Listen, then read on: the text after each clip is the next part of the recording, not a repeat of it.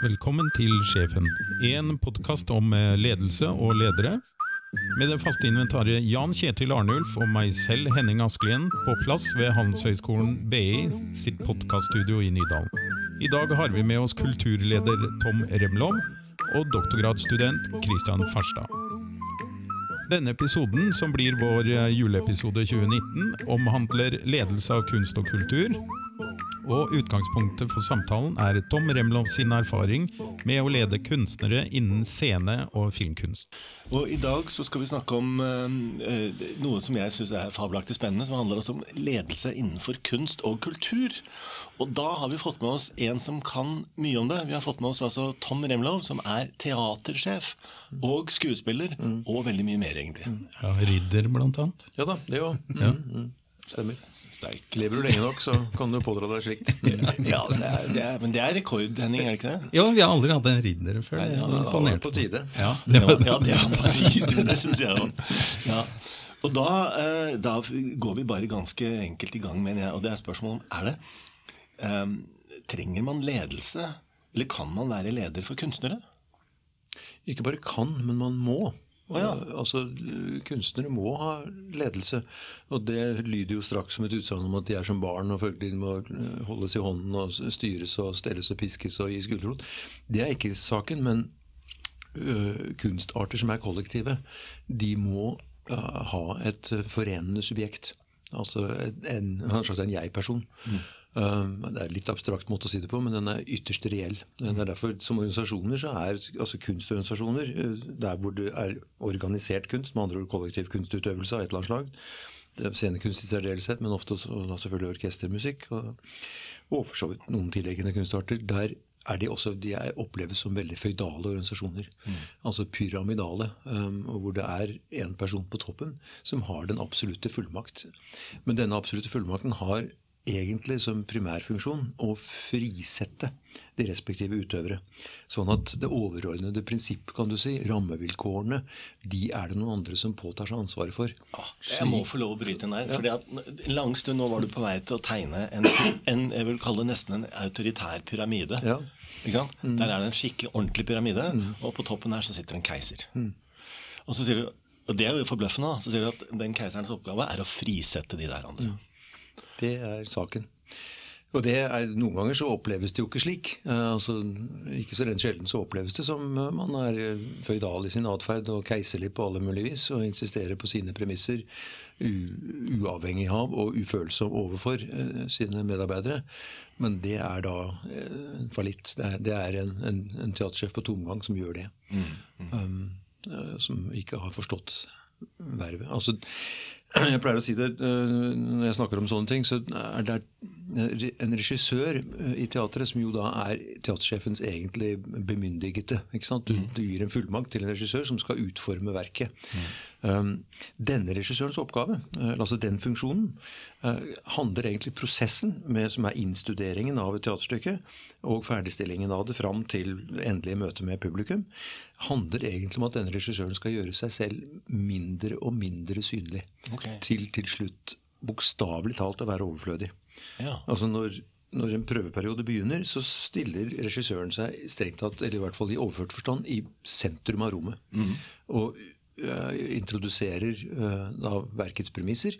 Og uh, forfølger disse premissene og lager et regelsett, lager et arrangement bl.a. for hvordan man skal bevege seg. Altså Hvis ikke noen var villig til å treffe beslutninger om hvem som skulle gå fra A til B, og den andre som skulle gå fra B til A, så ville de jo kollidere der de ikke burde. Altså Det er helt ned på det planet. Eh, trafikkonstabel. Men til slutt så er jo mønsteret lagt, og mønsteret har man oppnådd en enighet om. Altså hvordan det komplekse samspillsmønsteret som en teaterforestilling i realiteten er, mellom de medvirkende og teknisk stab rundt. Og da, når det er ferdigstilt, så er også da konstabelens eh, funksjon omme. Så der er han blitt usynlig? Ja, og da, eh, på toppen av det, så skal en teatersjef være enda mer usynlig. Bortsett fra når det skal tas ansvaret for valget av prosjekt. Utad. Det høres besnærende enkelt ut når du forklarer det sånn. Det er utrolig enkelt. jo, men du kan, du kan, gjøre om det der til å gjelde i grunnen alle lederposisjoner. At du, du, du, er såpass hva skal man si, dyktig og såpass uh, ja, rett og slett observant i jobben din. At du får de andre til å i grunnen gjøre jobben. Ja. Og når du da har fått til det, så kan du ta det litt mer med ro og bare følge med. Ja, og faktisk ikke bare ta det med rom, men ekskludere det. Ja. Altså tre til side. eh, for å slippe eh, andre til. ja. Og det, det er altså helt jeg mener det er sammenlignbart med hver arbeidssammenheng. I hvert fall der hvor det handler om det man kaller kunnskapsmedarbeidere. Og det er jo stort sett det det dreier seg om i det moderne arbeidsliv. Eh, Altså folk som utmynter sitt eget talent. eh, Og som ikke bare er en, eh, en funksjon av produksjonsmidler. Eh, Da er det det det handler om. Det er jo ofte sånn, da Vi, sier jo her på skolen også, når vi- jeg står i klasserommet, så pleier jeg å si at de ser jo ikke rektor stå her og trekke i trådene. Verken på, på Christian eller meg. Vi har for øvrig glemt å introdusere Christian. Christian Farstad. Eh, herværende doktorgradsstudent i kulturledelse på BI. Hei, Kristian. Tusen takk. God dag, god dag. Kjenner du igjen det som Tom sier her? Er det Ja, det er jo eh, det er ikke ukjent, for å si det sånn. Ja. Det vil jeg jo eh, si. Det er ganske friskt beskrevet. Men jeg henger meg litt på Henning. altså Beskrivelsen har vi jo hørt før. Så det er jo, det er jo et eller annet generisk kanskje i det her som man hører om i organisasjoner. Eh, Man, man kjemper for autonomi, eh, som jo er et eh, begrep alle vil ha mer av. Du beskriver det jo egentlig som noe dere har gjort lenge i en tradisjon. Dette er det som skjer hver gang. Eh, Faktum er at når, når teppet går opp, så er det absolutt. Ja. Og det må være det. Også, og du kan se på en forestilling hvis det ikke er tilfellet. Ja. Hvis, ja, hvis skuespilleren har et uh, tredje øye på en utenforliggende kraft, altså en regissør, så ser du det. For da ligger fokuset på et annet sted enn der det skal ligge. Okay. Nemlig på samspillet med mm, aktør, eh, altså med, medspiller. Og det er, faktisk, det er faktisk veldig lett å se. Det er veldig interessant. Det har jeg faktisk ikke tenkt, så, tenkt sånn på. Du kommer eh, inn i teatret, du sitter og ser en forestilling. Og det du ser er egentlig, sett fra vårt, vårt synspunkt, da, så er det du ser er at lederen har gjort seg selv overflødig. Det er jo en fabelaktig måte å si det på.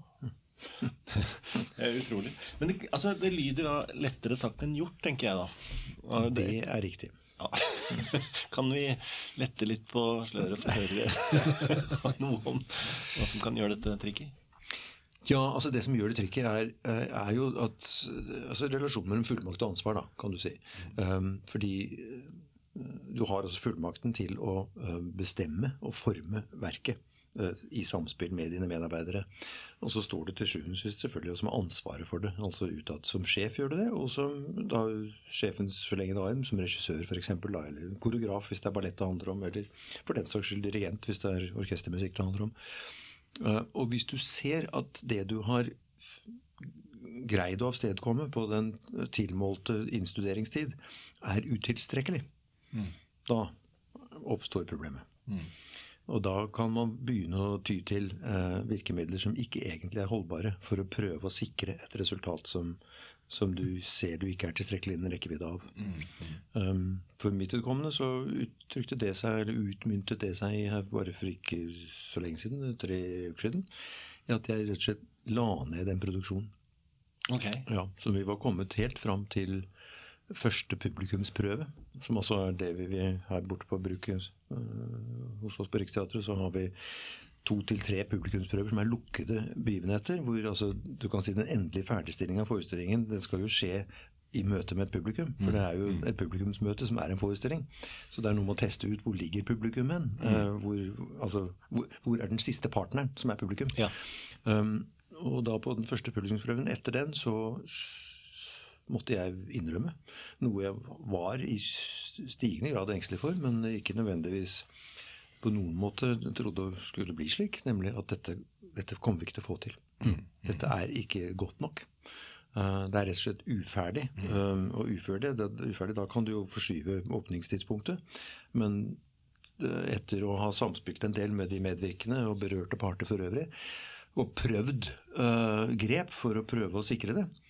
Um, jeg skjønner at jeg snakker for lenge nå, men dette er et Nei, er eksempel dette, som ja. folk ikke vet om, Uh, som regel. For vi prøver jo å skjule dette. Da. Det har vi brukt offentlige midler til ingen nytte. Mm. Um, men uh, etter å ha testet og prøvd litt mer, uh, altså noen løsninger, og da litt nødløsninger, så måtte vi trekke den felles konklusjon at dette kommer vi ikke til å få til. Så dette skrinlegger vi. Det der er jo altså det igjen da, Vi skulle snakke generisk. Dette mm. fins jo i mye sånn ledelses- og det er jo leder hen mot det som vi da kaller det ofte for altså the sunken cost fallacy. altså Du har allerede betalt inn så mye ressurser i dette. Lagt ned så mye tid og penger og gråt og tenners gnissel. Dette kan vi altså Vi må bare prøve å redde det til corner. Det er jo nesten ingen som egentlig klarer det. Nei. Ikke sant? Og du merker at det er det som har skjedd. Og så, men eh, det er eh, altså det å, å faktisk å legge ned.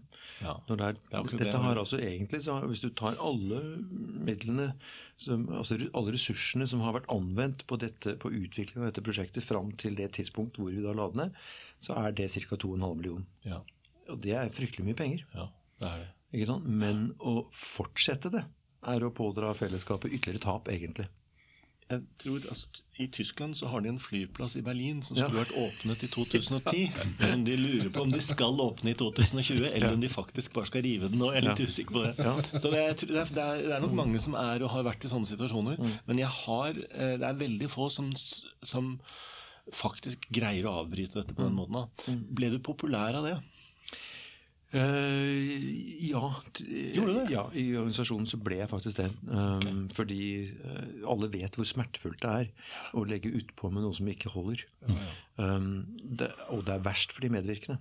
Ja. Å skulle stå der og vite at dette bærer ikke egentlig. Nå håper jeg bare at ingen oppdager det. Sånn at kreftene går med til å dekke over alle sprekker og alle hull og spor. ikke sant? Um, og det er altså det er det vondeste som er. Altså ja, Sånn sett så er teater et velsignet sted, fordi at du kan ikke gjemme deg bort. Du kan altså ikke uh, hva heter det, du kan ikke late som uh, det ikke skjer det som er dårlig. Nei. For det er i full offentlighet. Det er fremfor et publikum. ja, ja, du sender ikke et produkt av gårde ferdig innpakket, og så kan du snu deg og, og late som det er noen andre som ødela det i transporten. Jeg lurer på, jeg har lest at Ingvar Bergman sier i selve biografien sin at um, det verste, det mest smertefylte i verden er å sitte og se dårlig teater. Ja, altså for publikum er det jo et helvete. Men det er, det går altså det Jeg har levd så lenge at jeg må vedgå at jeg har vært med på å bløffe publikum. Ikke bare én gang, men opptil flere ganger. Um, jeg har et uh, diktum uh, som er som følger Eller et aksiom, kan man kanskje kalle det. At uh, publikum har alltid rett i det de ikke liker. Sånn. Men de har ikke nødvendigvis rett i det de liker. Jeg, jeg, jeg, kan tenke meg det. Ja. Mm. Så det går an å få dem til å like noe de ikke burde like. Det har vi faktisk her på huset også. Det, ja. jeg, jeg, kan kjenne meg Jeg hadde en sånn episode i dag morges. Ja. ja. det, det, er så ferskt, jeg skjønner. Mm, -hmm. Ja, fordi at det er jo, som du sier, altså, vi har en diskusjon her som er uh, litt på sånn, hva vi lærer folk, og spesielt når vi har programmet for voksne. Mm. Og da kan jo folk ha vært til stede i et klasserom og synes at um, det var veldig artig å være der. Ikke sant? Veldig fornøyde når de ja, kommer ut. Men, mens vi vet jo at det er jo ikke helt sikkert at dette kommer til å ta dem noe sted. Altså det, ja. Talegaver, var ikke det vi Talegaver, jo. jo. Teaterforestillingen som dere som lærere holder. Mm. Hvis dere er flinke til å snakke, det, det hjelper det. Flinke til å forelese, det hjelper det. Det er ikke sikkert det er faglig holdemål. Nei. Nei, Det er det som heter å fordreie hodene på folk. Da. Ja. Det slår meg bare litt, altså, jeg tenker på, Vi er jo litt inne på resultater, egentlig. Mm. Eh, og Det er noe som er mye snakk om i forhold til ledelse. Men så i din business, hvordan tenker du egentlig resultater, og hvor går du hen? Hva ser du etter? Ja, Det er altså, et essensielt spørsmål. Vi står nå oppe i en, en eh, ganske krevende situasjon med vår oppdragsgiver, som da er offentligheten, eller altså departementet. da. Um, og fordi Riksteatret også er en etat, så kan de liksom være ekstra harde i klypa med oss, eller ekstra krevende, da, når det gjelder uh, måling av resultater. Og det, det, er blitt såpass moderne nå at de, at de sier vi skal utforme liksom, uh, styringsmål. Uh, skal vi utforme i fellesskap. Med andre ord virksomheten, Riksteatret i dette tilfellet, skal formulere hva det er vi har satt oss fore å oppnå med de pengene vi har bedt om å få. Um, og Så formulerer man det, men så skal du ha da måleparametere. Med andre ord, du har satt opp målet, men hva er det du skal måle det på? Ja, altså Hvilke resultater skal fortelle at har, du har nådd målet? Uh, og en stund um, i praktiseringen av dette her, så har det vært tallangivelser, selvfølgelig. Mm. Um, antall spillesteder, antall forestillinger, antall fremmøte, antall typer fremmøte. Men så skjønner de jo det at dette her er jo ikke det, det, det, er ikke tallbare eller tellbare produkter.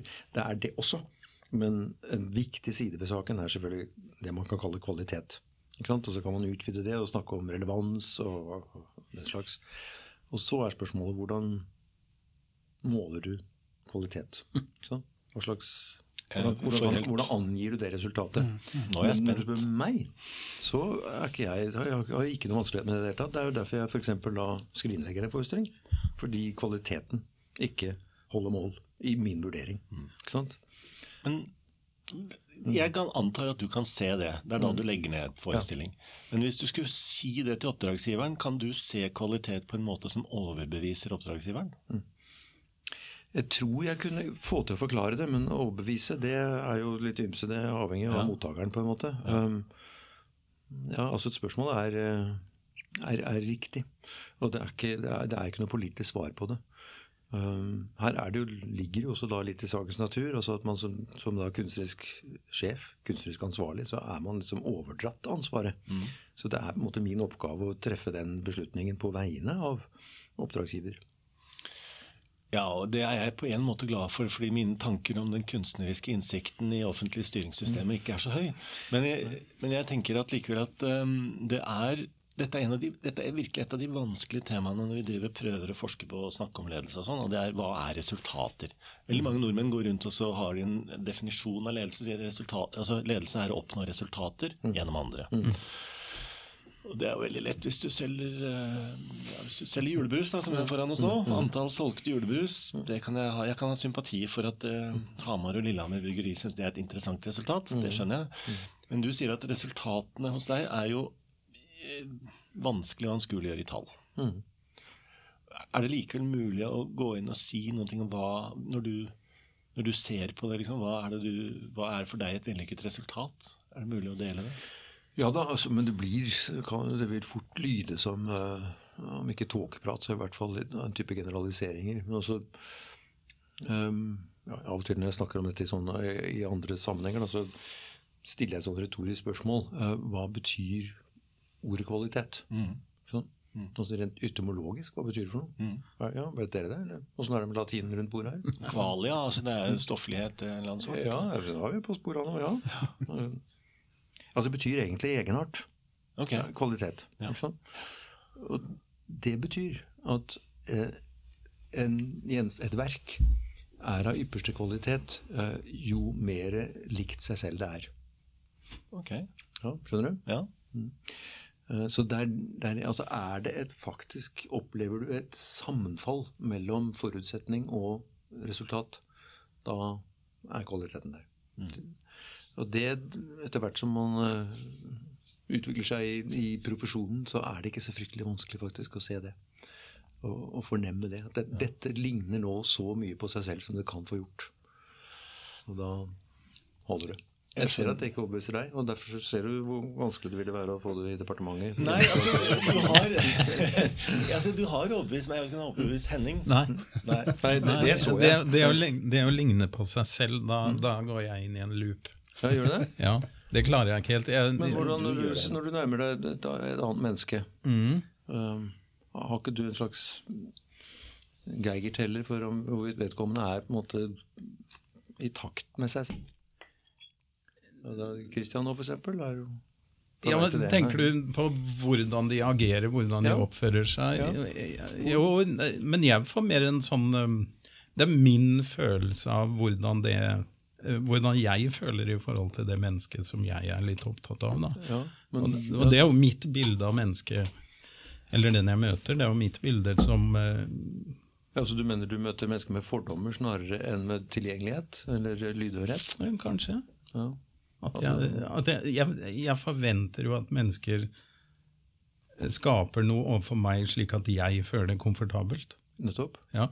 Men det er altså da ditt antenneverk som da blir mer eller mindre tilfredsstilt. Hvis, ja. hvis, hvis, er, hvis liksom sendingen fra den andre er skurrer, så merker du det. Ja, det er. Og da er det grunn til å tilskrive skurringen avsenderen snarere enn mottakeren? ikke det? Nei, det har jeg lært på skolen. at det Kanskje skolen du på?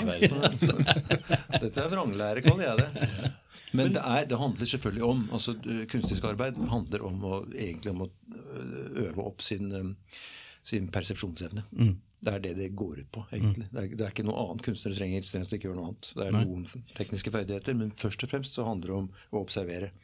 Altså All kunstutdanning begynner jo med det. Første året, første andre året til og med, handler først og fremst om å se, lytte og reflektere over og gjøre deg bevisst hva det er du ser. Ja. Så det er, det er faget. Og derfor så jeg stoler i den forstand blindt på, på det, det jeg så kan formulere som opplevelsen. Ja, så du, Ved at du har jobbet med dette her i mange mm. tiår, så mm. klarer du å definere kvalitet veldig fort, men publikummet ditt klarer antagelig ikke det. Nei, men Det er derfor jeg sa at publikum har ikke nødvendigvis Nei, rett i det de liker. Ikke sant? Ja. Um, men de har rett i det de ikke men, liker. Men da vil jo den ja, for Liker de det ikke, så har du ikke nådd dem. Og da er det jo noe feil med verket. Ja, men da får du den kvantitative uh, målingen som du snakket om. at vi Før så målte dere antall steder dere mm. spilte, antall publikummer. Mm. Og det er klart Den første gangen dere spiller, så kommer kritikerne på banen og forteller de kommende publikummer om dette var noe å se på eller ikke. Og da vil jo disse kvantitative tallene da egentlig ikke vise noe særlig om kvaliteten på en kunststykke i det hele tatt. Absolutt ikke. Ne? Det er det som er, det, det har departementet også skjønt. Ja. Det er en dimensjon. Fordi det er en del av oppdraget å nå mange mennesker. Og ikke minst nå for Riksteatret og nå mennesker over hele landet.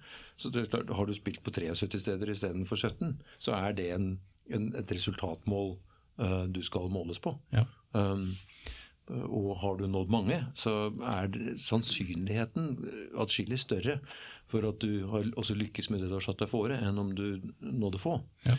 Um, men du må også snakke om verkets beskaffenhet. Um, altså Ikke bare hvilken vei det gjorde i vellinga, men, uh, men, hvordan selve verket faktisk er. Betyr det at når du legger i gang med da, en produksjon og ser for dere at dere skal distribuere den, så er det for så vidt et mål at folk skal Det bør jo komme publikum, og helst mange, men at, uh, at det ligger i selve oppdragsforståelsen deres at, uh, at det skal være å presentere kvalitet på steder i verden hvor de ikke blir ofte ikke blir bortskjemt med den slags? Er det det som ligger i det? I veldig høy grad. Det er, det er altså definert som oppdrag. Det, det, du kan si det er Riksteatrets DNA. Altså Så er det også at vi lager teater. Men mm. først og fremst skal vi lage teater som faktisk blir opplevd andre steder enn der hvor teater ellers er tilgjengelig. Ja. Mm. Nei, altså jeg, eh, I motsetning til Henning, da, som er ingeniør, så jeg pratmaker. Så jeg har jo Jeg hadde sans for den definisjonen, selv om jeg merker at definisjonen er vanskelig. Altså at noe er identisk med seg selv. Mm. Eh, det, er jo, det, er jo, Jeg vet ikke om det er tåkeprat, men det er i hvert fall såpass uh, abstrakt da, på en måte at jeg er nødt til å tenke mye over det. Men, og Derfor så tenkte jeg mer nå som, som ledelsesforsker at jeg er litt usikker på sånne ord som KPI-er og gevinstrealiseringer og sånt som man snakker om i, i, sånne departementale kontorer. Så tenker jeg at der kan det være et stykke inn med dette, da. Mm. Ja. Jeg tenker også at jeg skulle valgt å gå inn som leder sjøl og fikk mm. velge mm. eh, hvilket kriterium kriterier har du lyst til å være ansvarlig for. Så det er mye enklere å være ansvarlig for det som kan telles, ja, kontra den uh, andre mm. sida. Altså det bare slår meg liksom mm. Det er så abstrakt. Uh, hvordan uh, lever du med det, tenker jeg. Ja, Det kan du si. Altså, det, det er jo, det, man havner jo da i et form, i hvert fall sånn, et, et uvisst terreng, eller et uvisshetens rom. Men um, så må man jo ha rygg nok da, til å påberope seg retten til å ha gjort den vurderingen. Uh, og du kan si Noe av det som kanskje ligger grunnen for at man også tilstås retten, er at man er villig til å dele med oppdragsgiver, eller hvem det nå ellers måtte være, der hvor man synes man ikke har lykkes. Så f.eks. når jeg nå så villig forteller om en produksjon som jeg har lagt ned, eh, og skrinlagt og avlyst, så er det bl.a. for å dokumentere også i denne sammenheng mm. at jeg faktisk navigerer etter også en kvalitetsdimensjon. Altså Den forestillingen kunne godt tenkes at vi hadde fått fulle hus på den. Den var et brennbart uh, nåtidstema. Uh, og vi kunne kanskje sanket uh, publikummere av ymse art fra, fra, veldig interesserte grupper og sikret tallene. Men det ville altså ikke vært forsvarlig, etter min mening. Um, og så skal det sies, Jeg tror nok risikoen for terningkast 1 og 2 og sånn hadde vært ganske stor. sånn at du ville fått en påminnelse om Andre ville sett det. Ja, I dette tilfellet ville andre sett det. Mm. Ja. Vil, tror du det ville vært annerledes hvis det var noen andre enn deg, Tom Remlov, mm. som sa nei. Altså Hvis det var eh, jeg er 37 og jeg ville vært yngre, nyere, ferskere i en sånn rolle, Helt og, og få tillit til en sånn beslutning. Ja. Ja, det tror jeg du kan si kategorisk. Altså Jeg sto opp i den typen utfordringer. Altså, jeg var teatersjef i Bergen i, i ti år, og det, jeg var 36 da jeg fikk jobben. Og, og det var litt uti uh, annen sjefsperiode, altså sånn etter fire-fem år, at jeg kunne begynne å treffe den typen beslutninger. Som jeg da gjorde. Men du må ha noe eh, legitimitet, på en måte. Jeg syns dette er et veldig spennende tema. Så jeg hadde egentlig lyst til å gå videre på det som Kristian spør og spør. Hvor har du lært dette her, en Tom Remlo? Hvor, Nei, ja, the jeg har sagt. Det er livets skole. Altså, jeg, jeg har gått på teaterskole i England. eh, og så har jeg både vært skuespiller og, og um, drevet et kompani i England. Um, Men lær, altså, det, jeg kan skjønne, for det er dette her ofte i nesten alle bransjer så er det sånn at det finnes fagutøvere. Det finnes alle slags fagutøvere. Og så er det dette med ledelsesaspektet som vi jo er opptatt av å utforske og utfordre og kritisere litt. og sånn men, men, men blir du en god teatersjef av å være en god skuespiller? Nei, det gjør du ikke. Men du blir ikke en god nok teatersjef hvis du ikke forstår skuespillerfaget. Ja. Uh, altså jeg, jeg har aldri skult, uh, jeg har hatt noen forventning om å tjene penger som skuespiller. Uh, jeg tok en regiutdanning eh, på en skole som baserte seg på skuespillerutdanning. Altså jeg, oppsøkte, jeg valgte den skolen fordi den vektet skuespillerutdanning, men krevet ikke et enestående skuespillertalent for å komme inn. Eh, så den, den, den tjente mitt formål veldig godt. Eller altså uh, Ellers kunne jeg studert litteratur og, og drevet med amatørteater. Det hadde vært en annen måte å gjøre det på. Så, så regi er en form for ledelse. Det er helt klart form for ledelse. Det er en lederrolle. Ja, så, så du kan si at befalsskolen innenfor kunst og kultur, det er å lære seg å bli regissør. Ja, absolutt. Okay. Det gjør det. Hvis jeg kan få lov til å bare komme inn og være litt sånn teoretiker inni det der, så var det en en guru som kom til Norge på 50-tallet, som da ordet ledelse ble introdusert i Norge. Ledelse er et ord vi ikke bruker. Eller vi brukte ikke det før 50-60-tallet. Så fyr som het Kenning, og som kom inn og sa Ja, i Norge ja, at eh, ja, og Han sa det at um, ledelse handler ikke om fagutvikling. Han sa en leder er et eget, ledelse er et eget fag. Mm. En leder kan som leder lede hva som helst. Det var jo veldig satt på spissen. Jeg tror ikke han egentlig mente det fullt så radikalt som det høres ut. Nei, nei. Men jeg tror at han mente at um, ledelse var i så stor grad et eget fag at uh, en som leder ikke må ha for mye binding da, til sitt eget gamle fag. Fordi uh, det er jo lett da når du snakker om teater og tenker at nå snakker du om en forestilling, som du sa, som du har avlyst en, og en produksjon. da. Men, men du er jo også en um, du er også en bedriftsleder. Altså, dette har jo en organisatorisk, juridisk, økonomisk fundament. Mm. Så det er jo egentlig i, i, Det er jo lett å identifisere deg som at det var skuespiller og regissør var veien inn. Men du må jo ha, vært, du må jo ha lært deg en del andre ting underveis her også. Ja, ikke sant? Og det gjør man jo. Og så, og så rigger man jo forhåp- Forhåpentligvis da har man liksom selverkjennelse nok til å rigge organisasjonen rundt seg, sånn at den eh, skal vi si, kompenserer for, eh, for de manglene man måtte ha rent faglig. Um, og gir rom for eh, ekstra utfoldelse på de områdene hvor man kjenner seg sikker og som viktig bidragsyter til helheten. Um, så altså, Økonomifaget er jo ikke mitt, men jeg kan regne. Og, hadde, ja, og hadde gleden av en økonomisjef jeg ansatte i Bergen. Han var da generasjonen under meg, og da, eh, det var en evig sånn der, mannjevning oss imellom, for jeg kunne legge sammen i hodet. Og det kunne jo ikke han, for han var jo neste generasjon. Så hver gang vi liksom holdt på med budsjetter og sånn, og så drev jeg litt en øvelse bare for å tukte ham litt, ikke sant? som da gjorde at han respekterte min medvirkning i budsjettleggingen sånn tilstrekkelig. Ja, ok. Ja. Men det er jo altså, Selvfølgelig, hvis, du virkelig ikke skjønner deg på tall altså Det er en tidligere sjefskollega av meg som eh, jevnlig pralet med i sånne sjefssammenhenger. Nei, jeg skjønner meg ikke på tall, jeg, altså. Eh, det tror jeg jeg ville ligget lavt med ja. hvis du hadde pådratt deg tittelen teatersjef. Det, Det er ikke egentlig sjarmerende. Nei, det er liksom ikke egentlig sjarmerende. Det er ganske morsomt litt seint på kvelden første gangen, og så etter det så er det jo bare trist. ja, absolutt. Ja.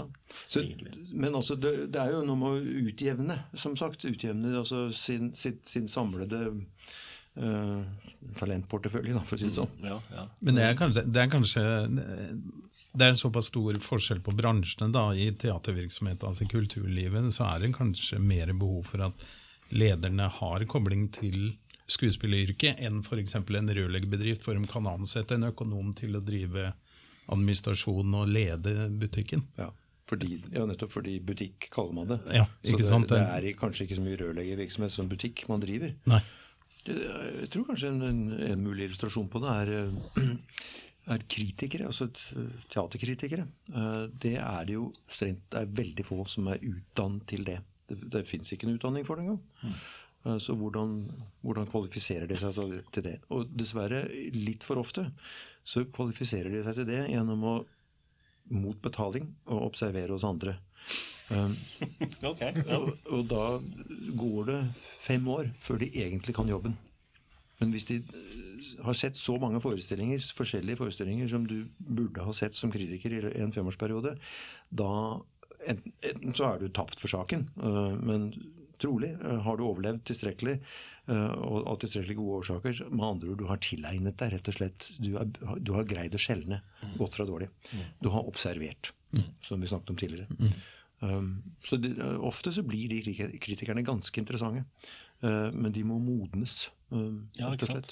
Altså De må utvikles. Men det betyr ikke at de må beherske skuespillerfaget.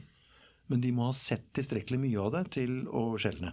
Mm. Og Sånn er det jo med oss uansett hva man nærmer seg. altså Hvis vi ikke kjenner en materie, så kan vi alltid se et bilde. Men vi greier jo ikke å lese bildet uten å ha sett mange bilder av samme art, og uten å ha fått en viss innføring i hvordan slike bilder lages osv. Og, så sånn. og så kan man jo bli en ganske god Altså disse krøshusene som kjøper billedkunst. Jeg er sikker på ikke en eneste en av dem kan svinge en malerkost med mening, men, men de har, etter hvert så lærer de seg jo faktisk å verdsette eh, kunsten, kunsten som begås. Vi stoler på prislappen. Så har du hele den greia. Eh, Det er riktignok, men også det er forbausende hvor mange av dem som kan snakke med noenlunde overbevisning mm. om sitt forhold til et verk de har kjøpt. Så alle kan lære. Eh, Ja. det, du det, det ligger mye læring i dette for oss alle. Og Alle kan lære, men det de er ikke det samme som å beherske. Nei. Ikke sant? Nei, nettopp. Ikke det samme som å produsere det. Nei. Nei, nettopp. For å si det på den måten. Ja. Og uh, ja, dette setter jo meg på flere tanker. Um, en av de tankene som Christian og jeg har snakket om, og som jeg syns fortsatt er interessant, er at i samfunnet vårt i dag så er det stadig færre som regner, tror jeg egentlig. For vi har stadig flere maskiner som gjør dette for oss. Og så blir det sagt til barn at de barn skal drive med hva det heter for noe, altså estetiske fag, da. Eh, musikk, forming, tegning, foto, film.